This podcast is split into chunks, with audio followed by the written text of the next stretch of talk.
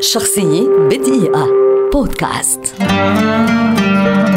بول توماس أندرسون مخرج مؤلف منتج وصانع أفلام أمريكي شهير ولد عام 1970 ويعد واحدا من أبرز المخرجين السينمائيين في العالم في وقتنا هذا. في سن الثانية عشرة بدأ اهتمامه بالسينما والتصوير فكان يستخدم الكاميرا الخاصة بوالده لتصوير أفلام قصيرة وفي سن المراهقة بدأ الكتابة. انطلق مشواره الفني بالعمل كمنتج مساعد في بعض الأفلام والأغاني المصورة وبرامج الألعاب. بعدها قرر أن يصنع فيلمه القصير الأول عام 1993 بعدما جمع مبلغا من المال كان بحوزته مع بعض الأموال التي كان قد اقترضها. ونال هذا الفيلم نقدا إيجابيا. ما فتح الطريق أمام موهبة أندرسون للظهور ولإخراج أفلام عديدة من أهمها Boogie Nights The Master Phantom Thread و Punch-Drunk Love الذي حصل عنه على جائزة أفضل مخرج في مهرجان كان السينمائي عام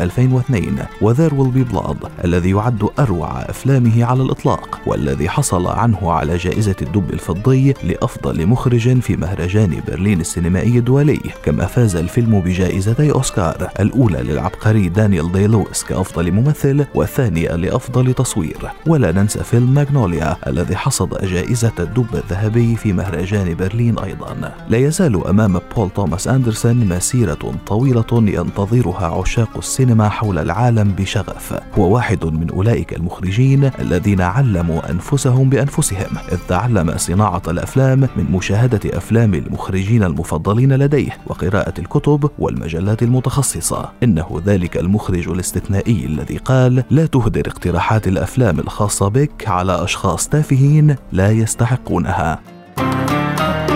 شخصية بدقيقة. بودكاست.